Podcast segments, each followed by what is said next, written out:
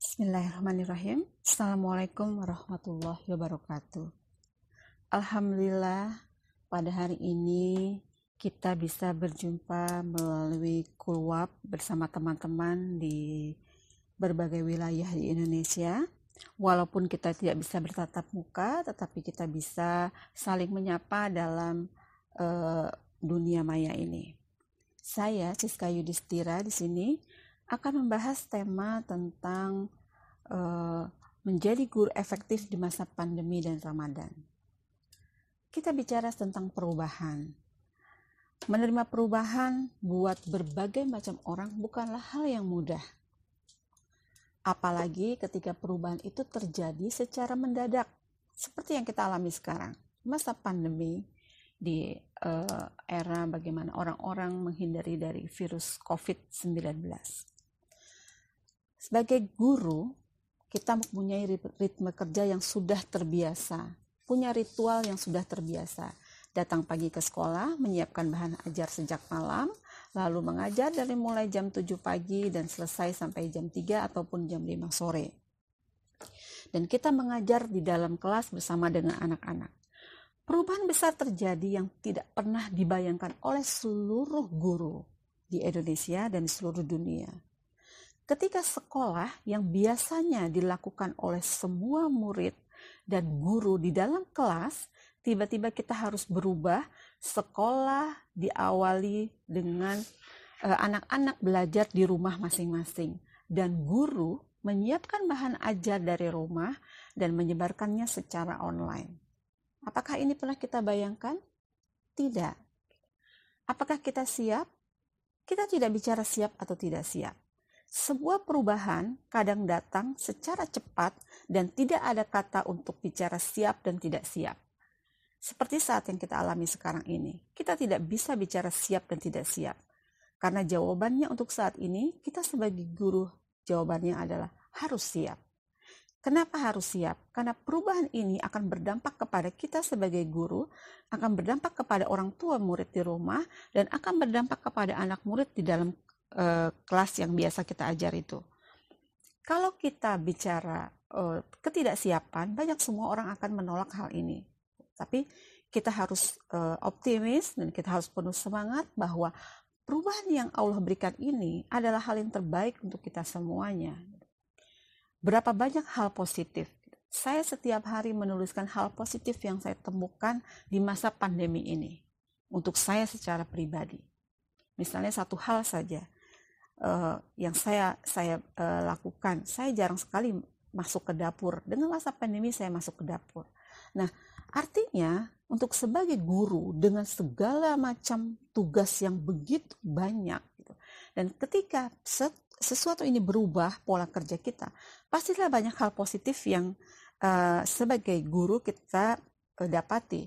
Contoh misalnya, kalau dulu seorang guru meninggalkan rumah dari jam 7 pagi sampai jam 5 sore untuk mengajar, eh, sekarang tetap mengajar, tetapi waktunya lebih pendek dan setiap hari bisa berada di dalam rumah.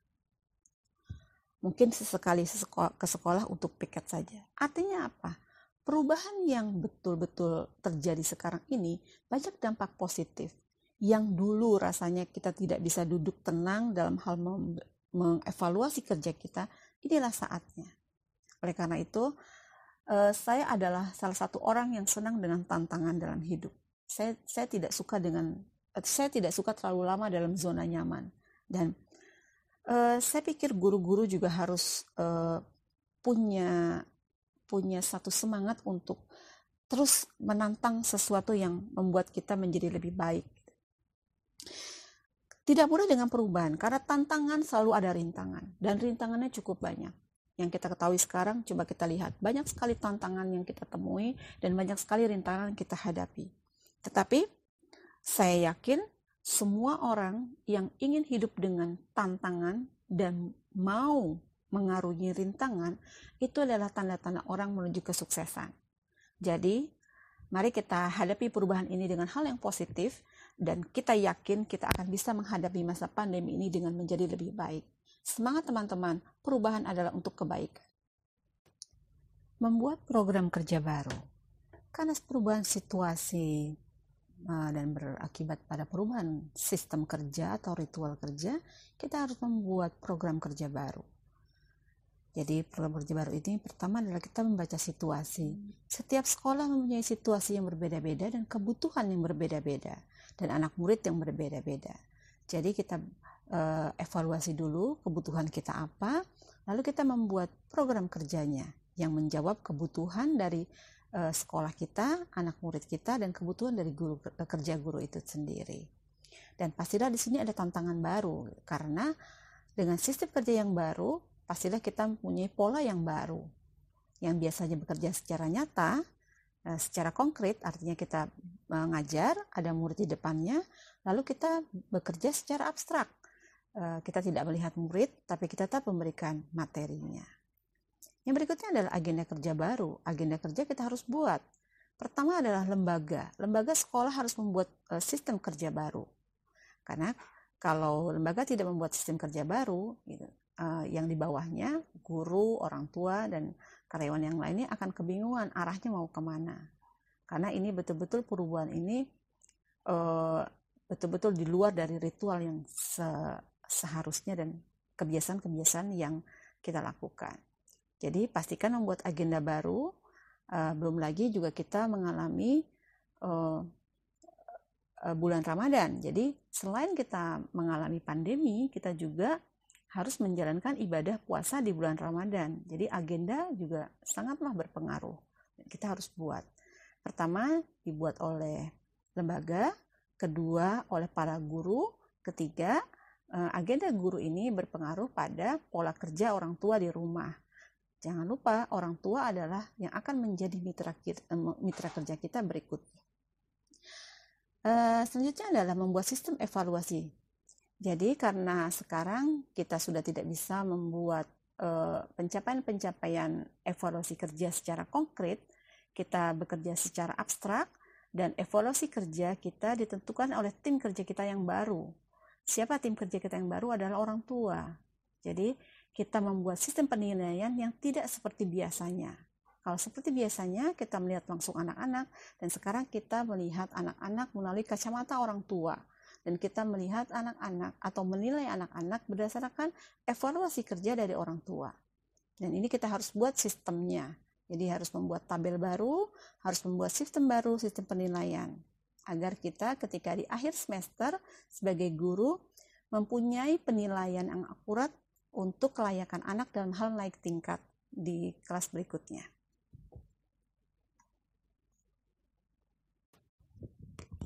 hadirnya sosok nyata dalam tim kerja baru. Alhamdulillah sebetulnya kita harus syukuri kita punya tim kerja baru pada masa pandemi ini. Dengan sistem sekolah yang berbeda, kita punya tim kerja baru.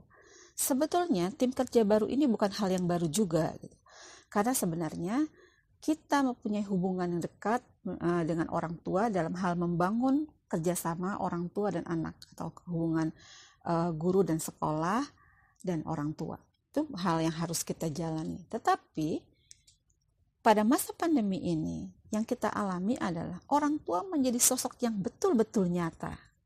Kalau dulu sebelum masa pandemi ini uh, berlangsung, orang tua hanya ikut sebagai tim, sebagai tim, sebagai uh, tim penyemangat saja atau mungkin kalau ada masalah baru kita temui atau mungkin kadang udah ada masalah pun orang tua tidak bisa diajak kerjasama gitu.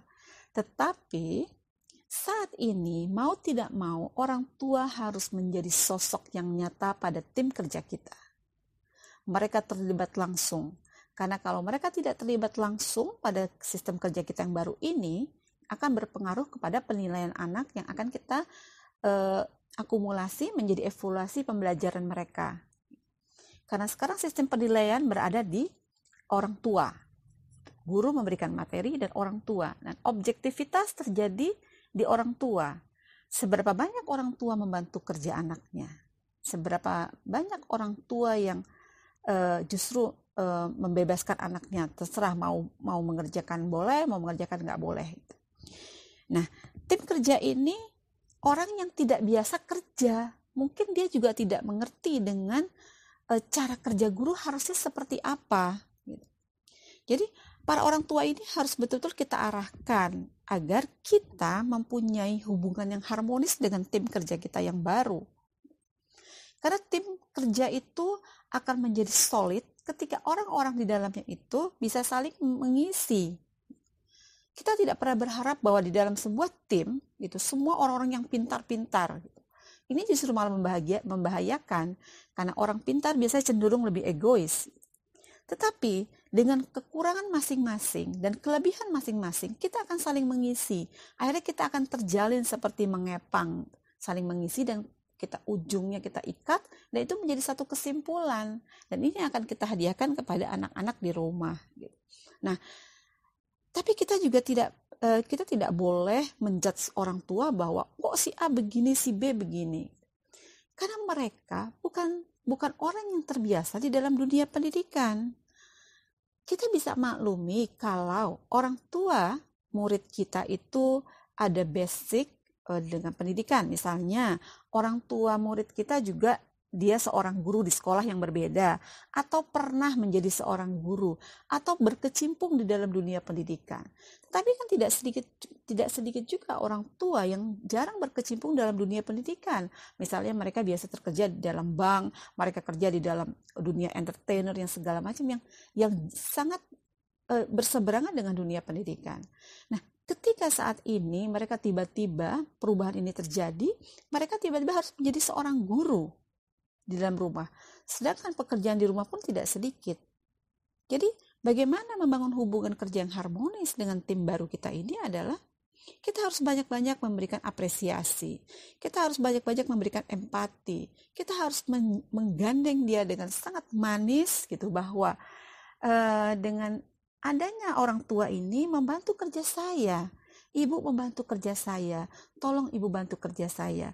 Mari kita jadikan tim kerja kita yang menjadi harmonis dan dinamis agar irama yang kita yang yang kita lalui ini menjadi lebih ter, terkontrol gitu.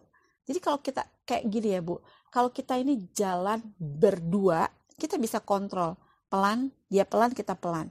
Ketika kita jalan ber, bertiga, udah mulai beda lagi. Kita jalan berempat berendengan, udah beda lagi. Hati-hati yang ada yang satu miring ke kanan, ada yang satu miring ke kiri, ada yang tiba-tiba tangan kita merenggang. Gitu. Nah sekarang kita berjalan secara bersamaan dengan belasan dan puluhan orang tua. Ditambah dengan guru yang ada. Jadi berapa puluh kita bergandengan tangan kita berjalan.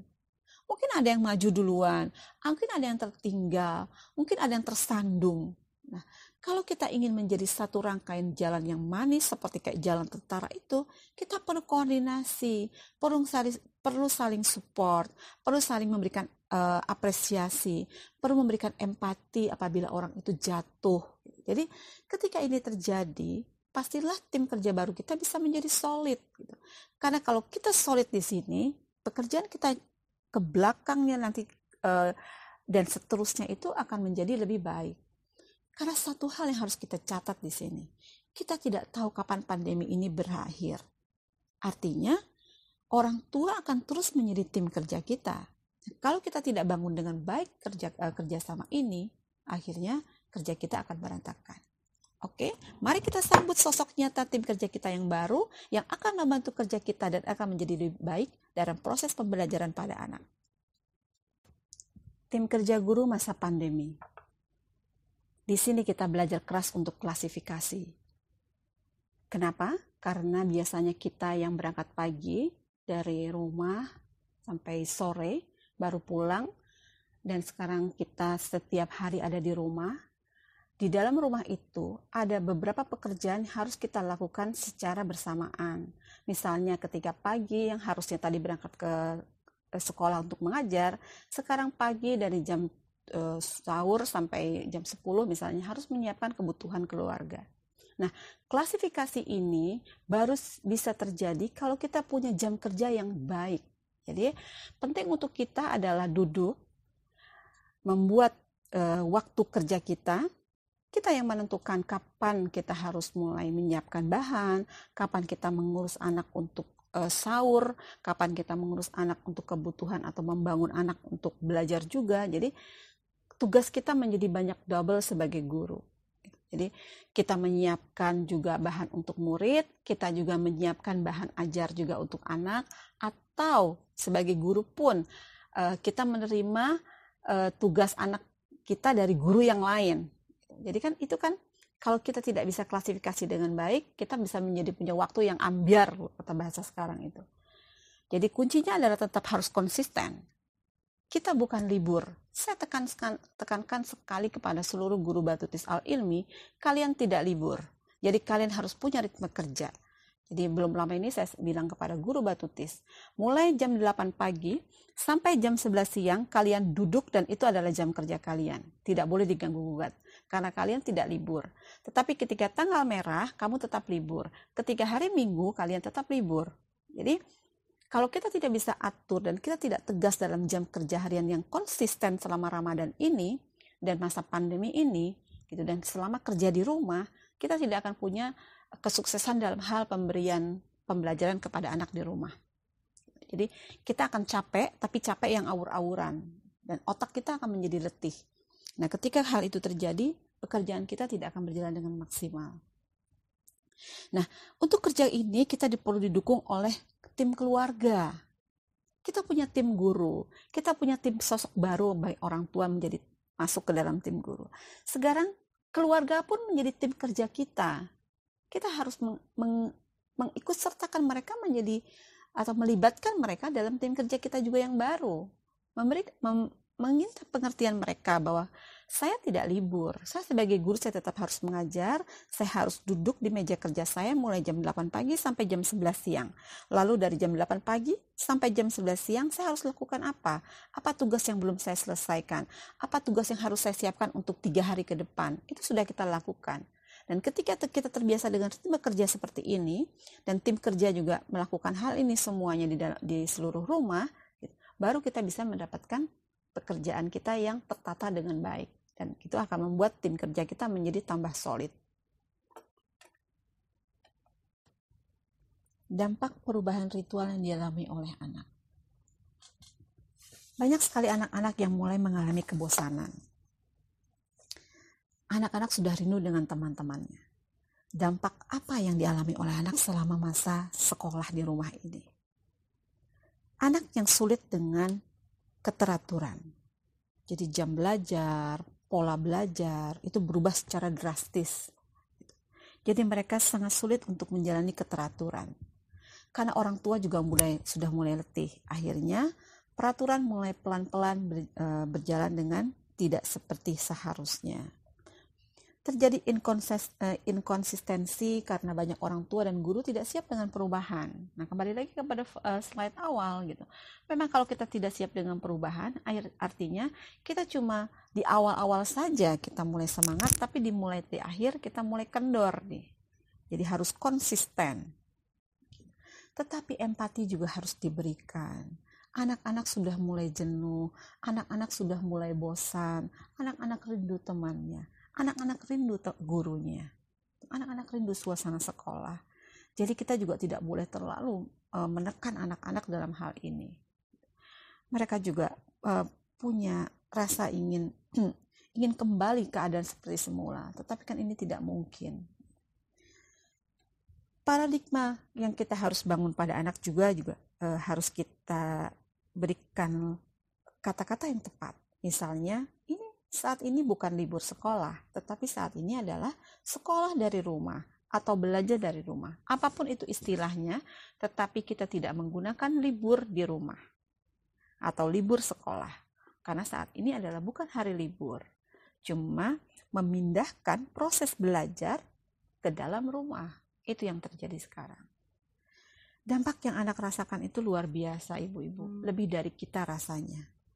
Kalau kita merasakan bosan, kita masih punya keinginan yang kita bisa salurkan dengan masak, dengan bicara dengan suami dan lain-lain. Tapi di dunia anak-anak itu berbeda. Seperti kemarin saya bertemu dengan cucu saya.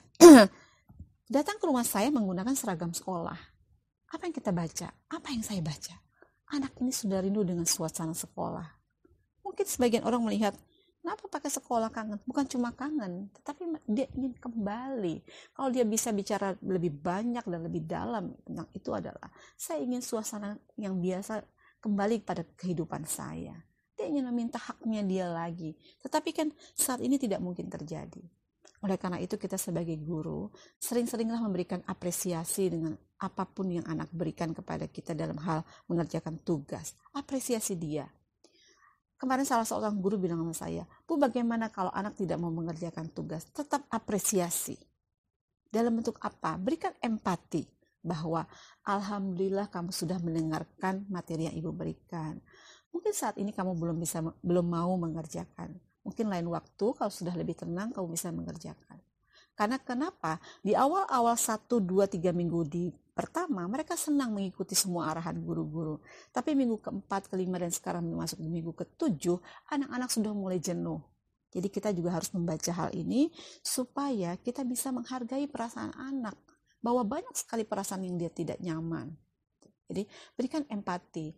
Cari lagi peluang bagaimana memberikan materi anak supaya dia tetap tetap senang, tetap nyaman.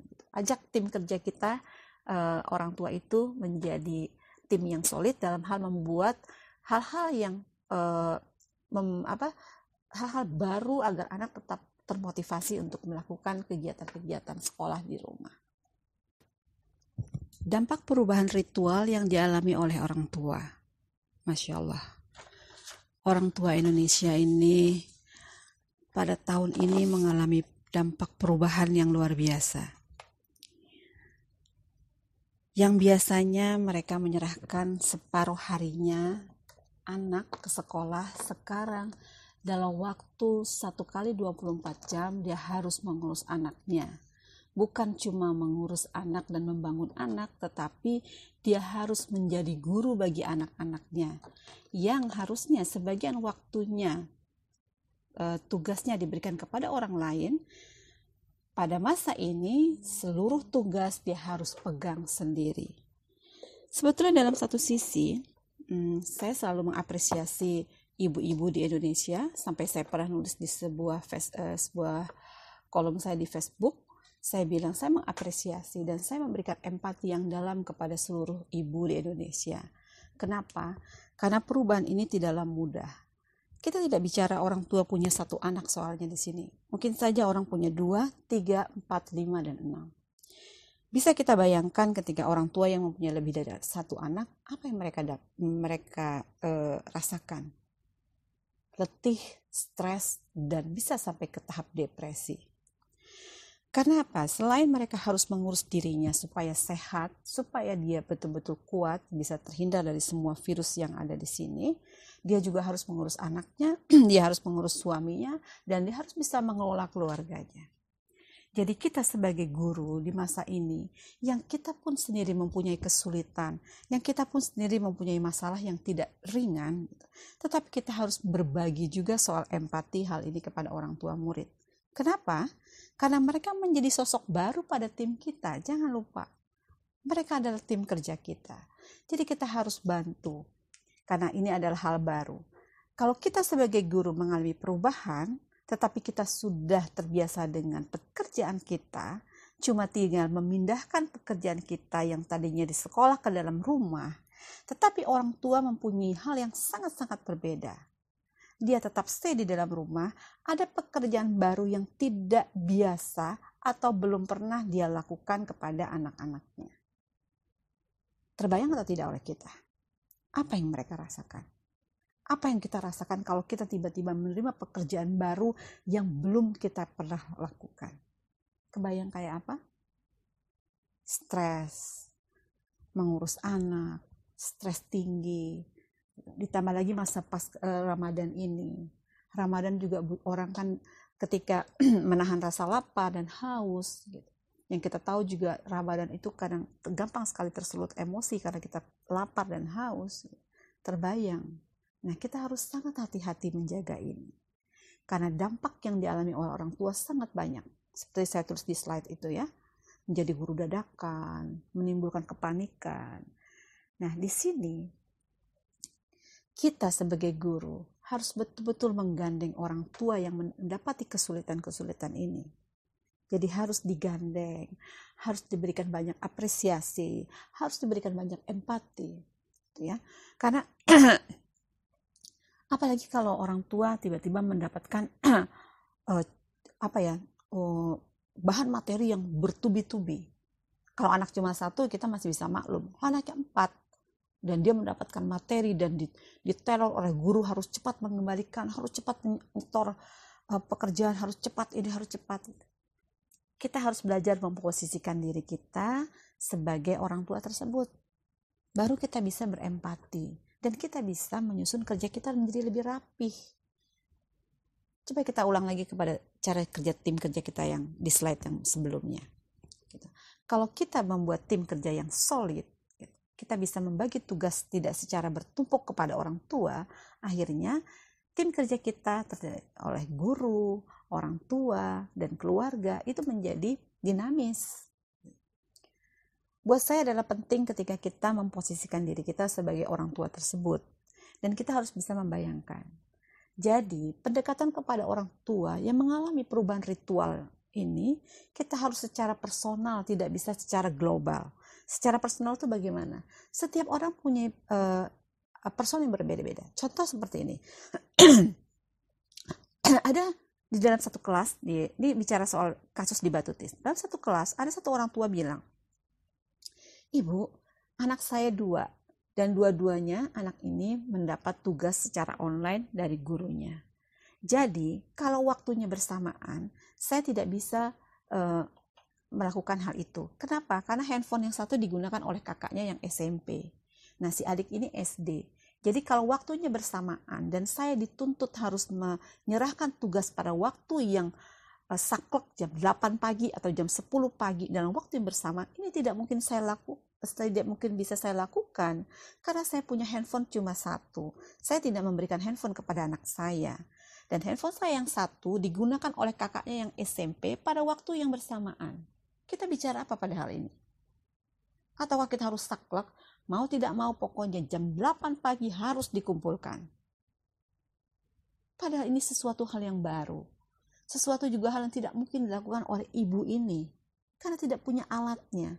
Nah, hal seperti ini kita harus memberikan empati, harus memberikan atau merangkul guru tersebut secara personal. Kita nggak bisa bicara secara global gitu keteraturan memang harus tetap dilakukan, tetapi kita harus lihat dulu permasalahan apa yang dibawa oleh orang tua tersebut. Setiap keluarga mempunyai masalah-masalah yang berbeda. Misalnya ada kalau di Batutis uh, lebih banyak lagi, lebih kompleks masalahnya. Ada orang tua yang punya handphone tapi tidak bisa digunakan untuk WA. Jadi apa yang harus dilakukan? Nah, Pembelajaran untuk anak ini juga secara individual, berbeda dengan yang lain. Dia harus datang ke sekolah setiap hari ibunya dan guru memberikan kertas-kertas yang difotokopi atau tugas-tugas yang secara tertulis kepada orang tua ini. Jadi eh, tugas-tugas tidak boleh terlalu bertumpuk dan tidak boleh kita menganggap uh, orang tua itu adalah apa pun dia harus kerja menganggap orang tua itu sebagai uh, orang orang yang harus mengikuti arahan kita apa pun alasannya. Tidak bisa seperti itu. Mereka adalah tim kerja. Tim kerja harus kita apresiasi. Tim kerja harus kita kasih empati. Tim kerja harus berjalan dengan dinamis agar hasilnya bisa menjadi maksimal. Tips membuat materi online. Di sini kita bicara tentang tim kerja. Kembali lagi, tim kerja kita yang baru terdiri dari kita dan para guru, eh, orang tua, dan ujungnya adalah evaluasi pemberian tugas pada anak. Yang poin yang paling penting ketika kita memberikan tugas adalah kita mempunyai jadwal. Guru-guru batutis ketika memberikan refleksi atau disebut PR itu pun dalam sebelum masa pandemi ini mereka harus punya jadwal. Jadi supaya setiap anak ketika mendapatkan refleksi atau mendapatkan PR tidak ada penumpukan tugas. Jadi tidak terlalu bertumpuk. Kalaupun ada penumpukan tugas yang uh, terjadi, misalnya satu atau uh, tugas satu dan tugas dua atau refleksi satu dan refleksi dua, itu harus ada hubungannya. Jadi ketika kita membuat tugas pada anak, satu adalah tidak boleh bertumpuk, kedua hubungan kerja, hubungan tugas satu dan tugas yang berikutnya harus selalu berkesinambungan dan diikat oleh tema. Jadi itu yang paling penting banget. Nah, sekarang ini adalah uh, kesempatan kita sebagai guru uh, bahwa pembelajaran tidak hanya berpusat kepada kognisi saja. Jadi bukan hanya guru-guru yang memberikan soal-soal. Karena hati-hati juga, saya banyak sekali mendapat masukan dari orang tua murid ya yang yang WA saya, japri saya ataupun mengirim uh, messenger kepada saya. Persis saya mendapatkan tugas-tugas dari guru yang isinya hanya cuma soal-soal saja. Kenapa ini terjadi? Ya, artinya gurunya juga udah mulai stres. Jadi udah malas mikir, udah ketika orang nggak malas mikir itu artinya udah nggak kreatif, udah susah membuat membuat ide-ide. Kira-kira ide menarik apa buat anak? Yang paling gampang adalah cari di online soal-soal yang sudah ada, terus dikirim ke orang tua murid selesai. Jadi anak cuma kerjain tugas-tugas aja. Kebayang apa, enggak untuk kita? Ketika kita memberikan materi online kepada anak dalam bentuk cuma soal-soal, dia cukup mengerjakan waktu setengah jam atau 20 menit itu sudah selesai. Lalu sisanya dia lakukan apa? Nah, Uh, sebetulnya saat ini di masa pandemi ini, di masa Ramadan ini, banyak sekali kita untuk menggali ide kreatif, mengajak anak untuk membangun life skill. Bagaimana kehidupan sehari-hari itu adalah menjadi pembelajaran karena pembelajaran melalui kehidupan sehari-hari itu akan menjadi lebih kekal dibandingkan kita hanya mengejar kognisi saja. Kognisi di sini maksudnya apa? Mengerjakan soal-soal. Jadi penumpukan bahan-bahan tugas-tugas menulis eh, target-target guru akan soal-soal yang ditumpuk yang banyak-banyakan eh, jumlahnya.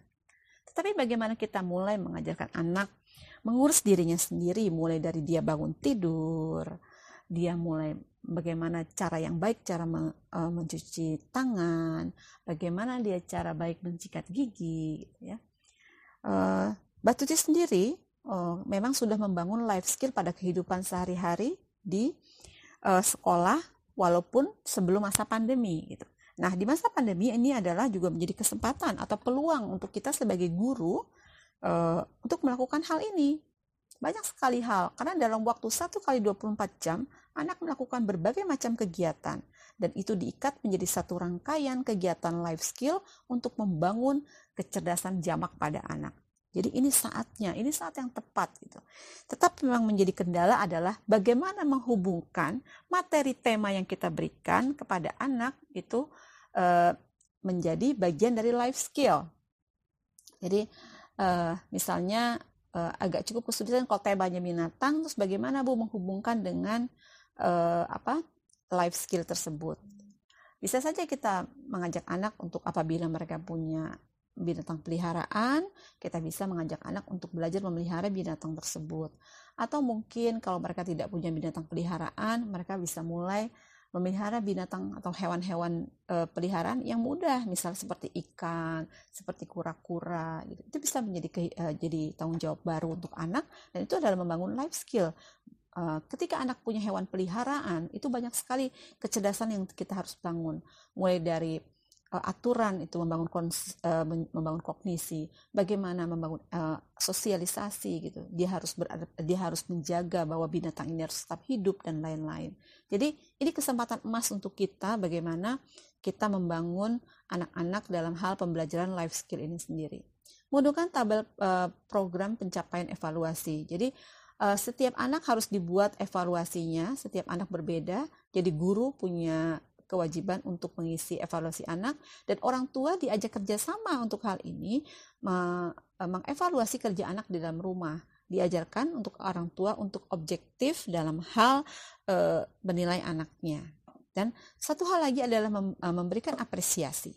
Memberikan apresiasi harus secara individu bukan secara kelompok. Misalnya begini Uh, Alhamdulillah untuk kelas 3 hari ini semua bekerja dengan baik. Terima kasih untuk kelas 3. Itu artinya itu kita memberikan apresiasi secara, kelompok. Boleh-boleh saja, sah-sah saja. Tetapi apabila sekali waktu kita memberikan apresiasi secara individu, itu berartinya sangat dalam. Dan itu akan membekas pada anak. Seperti kita bahas sebelumnya, anak sedang mengalami kebosanan. Anak sedang mengalami stres tinggi. Ketika dia diberikan apresiasi secara individual oleh uh, guru itu akan membangun semangat baru di dalam diri dia. Begitu juga halnya kepada orang tua yang menjadi tim kerja kita yang baru. Oke, uh, kita lanjut ke materi berikutnya. Pijakan materi membuat video pembelajaran murid. Hal yang paling utama adalah kita harus merencanakan pembelajaran atau materi yang kita mau berikan kepada anak. Jadi pastilah setiap guru harus mempunyai, mempunyai rencana pembelajaran atau kita sebut lesson plan sebelum memberikan materi kepada anak.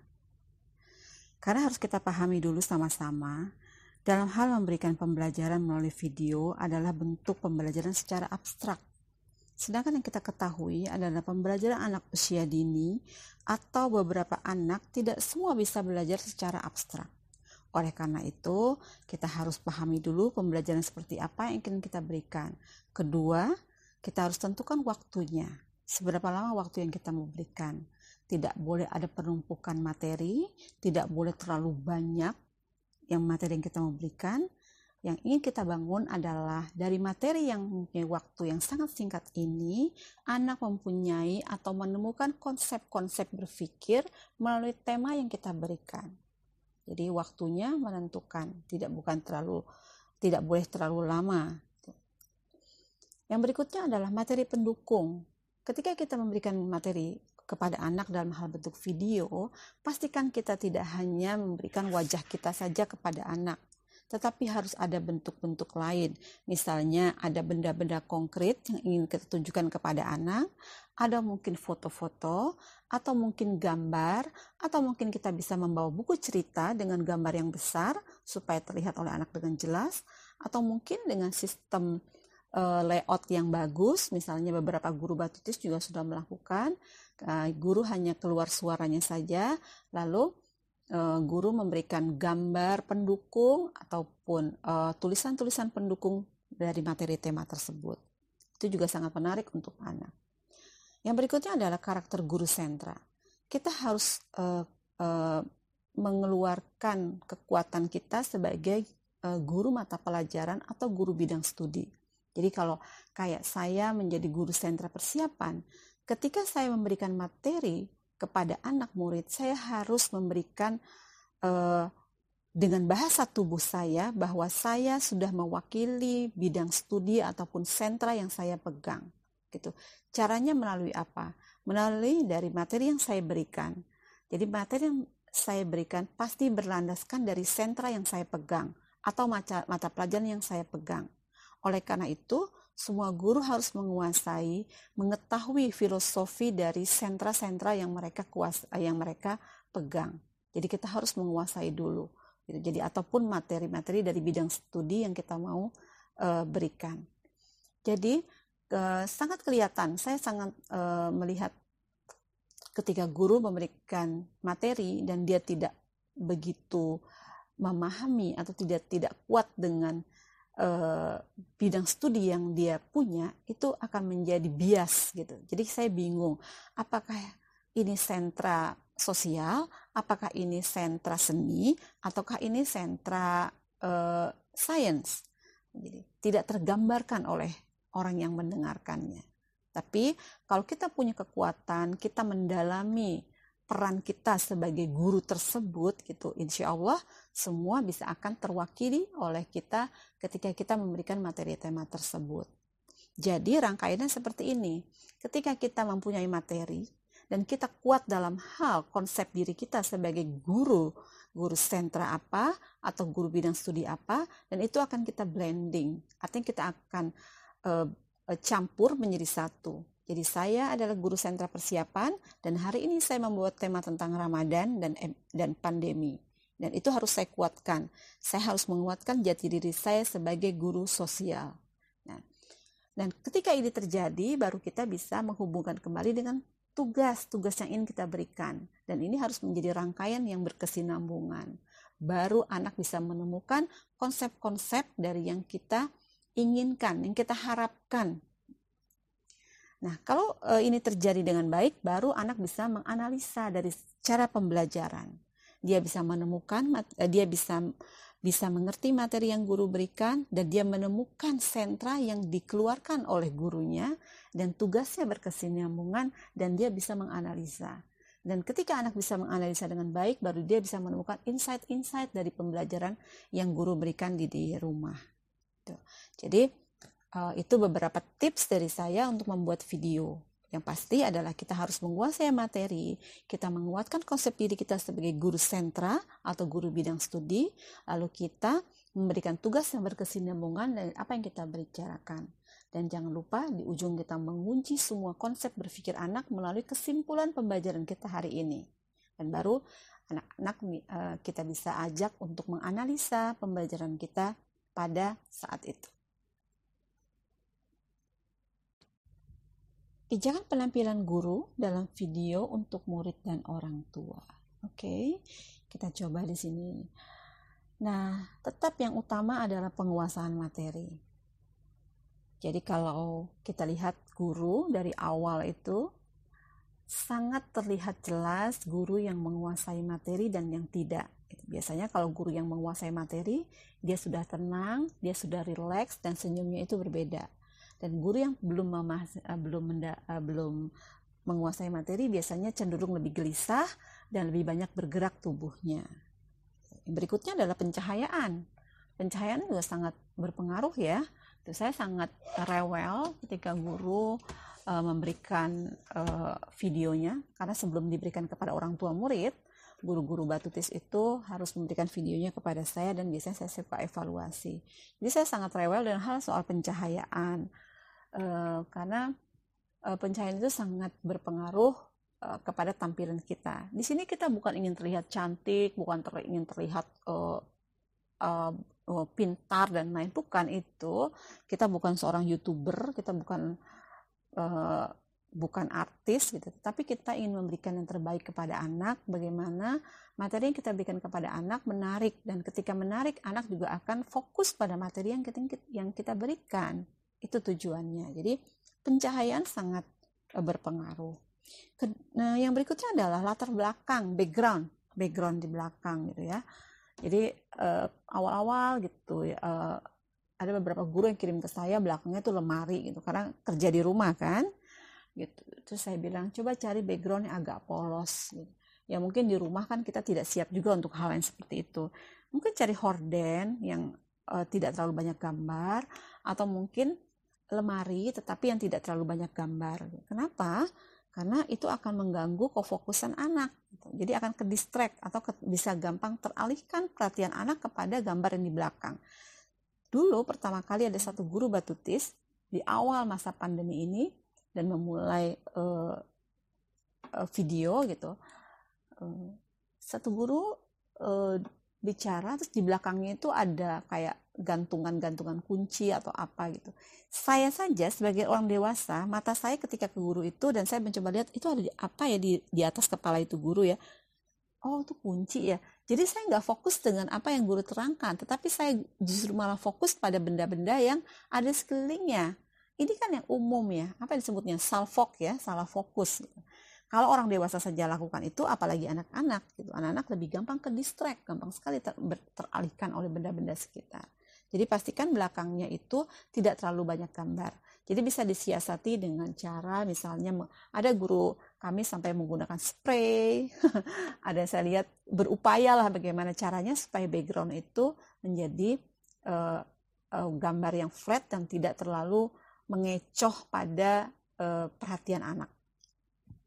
Berikutnya adalah wajah yang harus tampil segar. Gitu. Jadi kalau kira rasa-rasa kita lagi letih gitu ya, uh, kita jangan bikin video gitu. Karena gini video yang kita berikan kepada anak ini ada kemungkinan anak akan mengulang-ulang itu. Dan tidak menutup kemungkinan video kita juga akan tersebar ke mana-mana.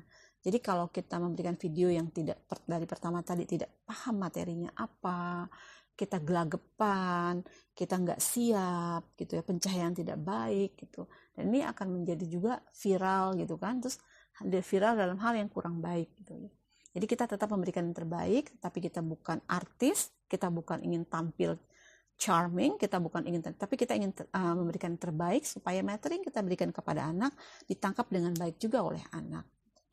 Jadi wajah, ya pakaian, gitu, tampilan juga harus tetap rapih gitu ya. Jadi uh, kalau saya sih saran saya mandi gitu ya, sesudah mandi rapih, tidak perlu berlebihan, make upnya juga gitu kan, karena guru kan juga nggak ke sana gitu. Jadi uh, rapih saja buat saya itu sudah cukup. Terus fokus mata ya, mata ini fokus nggak kelarak kelirik ke sana ke kanan ke kiri gitu ya. Karena kalau matanya Clara kelirik itu ketahuan kita nggak siap. Nah ini kembali lagi ke yang awal. Guru yang tidak uh, tidak siap dengan penguasaan materi, biasanya matanya ke kanan dan ke kiri. Tapi kalau guru sudah siap dengan penguasaan materi, biasanya dia sudah bisa memposisikan diri dia dan dia bisa membayangkan sesuatu yang abstrak bahwa di depan dia ada anak-anak muridnya yang duduk dan mendengarkan materi yang sedang dia berikan. Ini gambaran abstrak guru sudah bisa tergambar pada penampilannya. Itu untuk guru yang sudah siap pada penguasaan materi. Yang berikutnya adalah penting diingat kamera itu untuk merekam ya, bukan untuk ngaca. Jadi ada beberapa guru yang kadang ketika kamera sudah mulai on, dia merapikan kerudungnya, dia sibuk dengan kerudungnya, dia sibuk dengan posisi uh, wajahnya ke kanan atau ke kiri gitu. Jadi uh, fungsi pada kamera itu adalah untuk merekam gambar kita, bukan untuk ngaca. Jadi ini penting banget. Tapi ini juga sangat berhubungan dengan penguasaan materi. Orang yang penguasaan materinya sudah kuat dan konsep diri yang dia juga sudah kuat gitu. Dia tahu dia bahwa sentra saya ini saya harus memberikan materi, saya punya waktu yang uh, sangat singkat. Jadi itu akan tergambar kepada wajahnya dia dan kesiapan semuanya.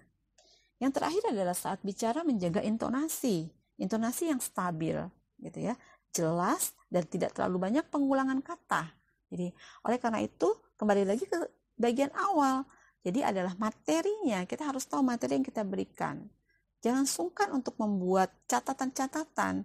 Jadi ketika kita sudah memberikan materi, kita contreng. Memberikan materi, kita contreng. Jadi uh, atau mungkin berlatih, berlatih dulu sampai maksimal. Sudah itu baru kita uh, bikin video yang sesungguhnya. Jadi pastikan kita mengedit, kita mengevaluasi, kita menonton ulang video kita dan kita tahu bahwa itu sudah uh, mewakili dan uh, kita sudah tahu ini yang terbaik untuk anak-anak baru kita bisa share kepada anak-anak. Uh, itu tips sedikit dari saya untuk dalam hal penampilan video guru yang diberikan kepada murid dan kepada orang tua. Oke, tetap semangat dan jadilah guru yang terbaik dan yang dirindukan oleh murid-muridnya.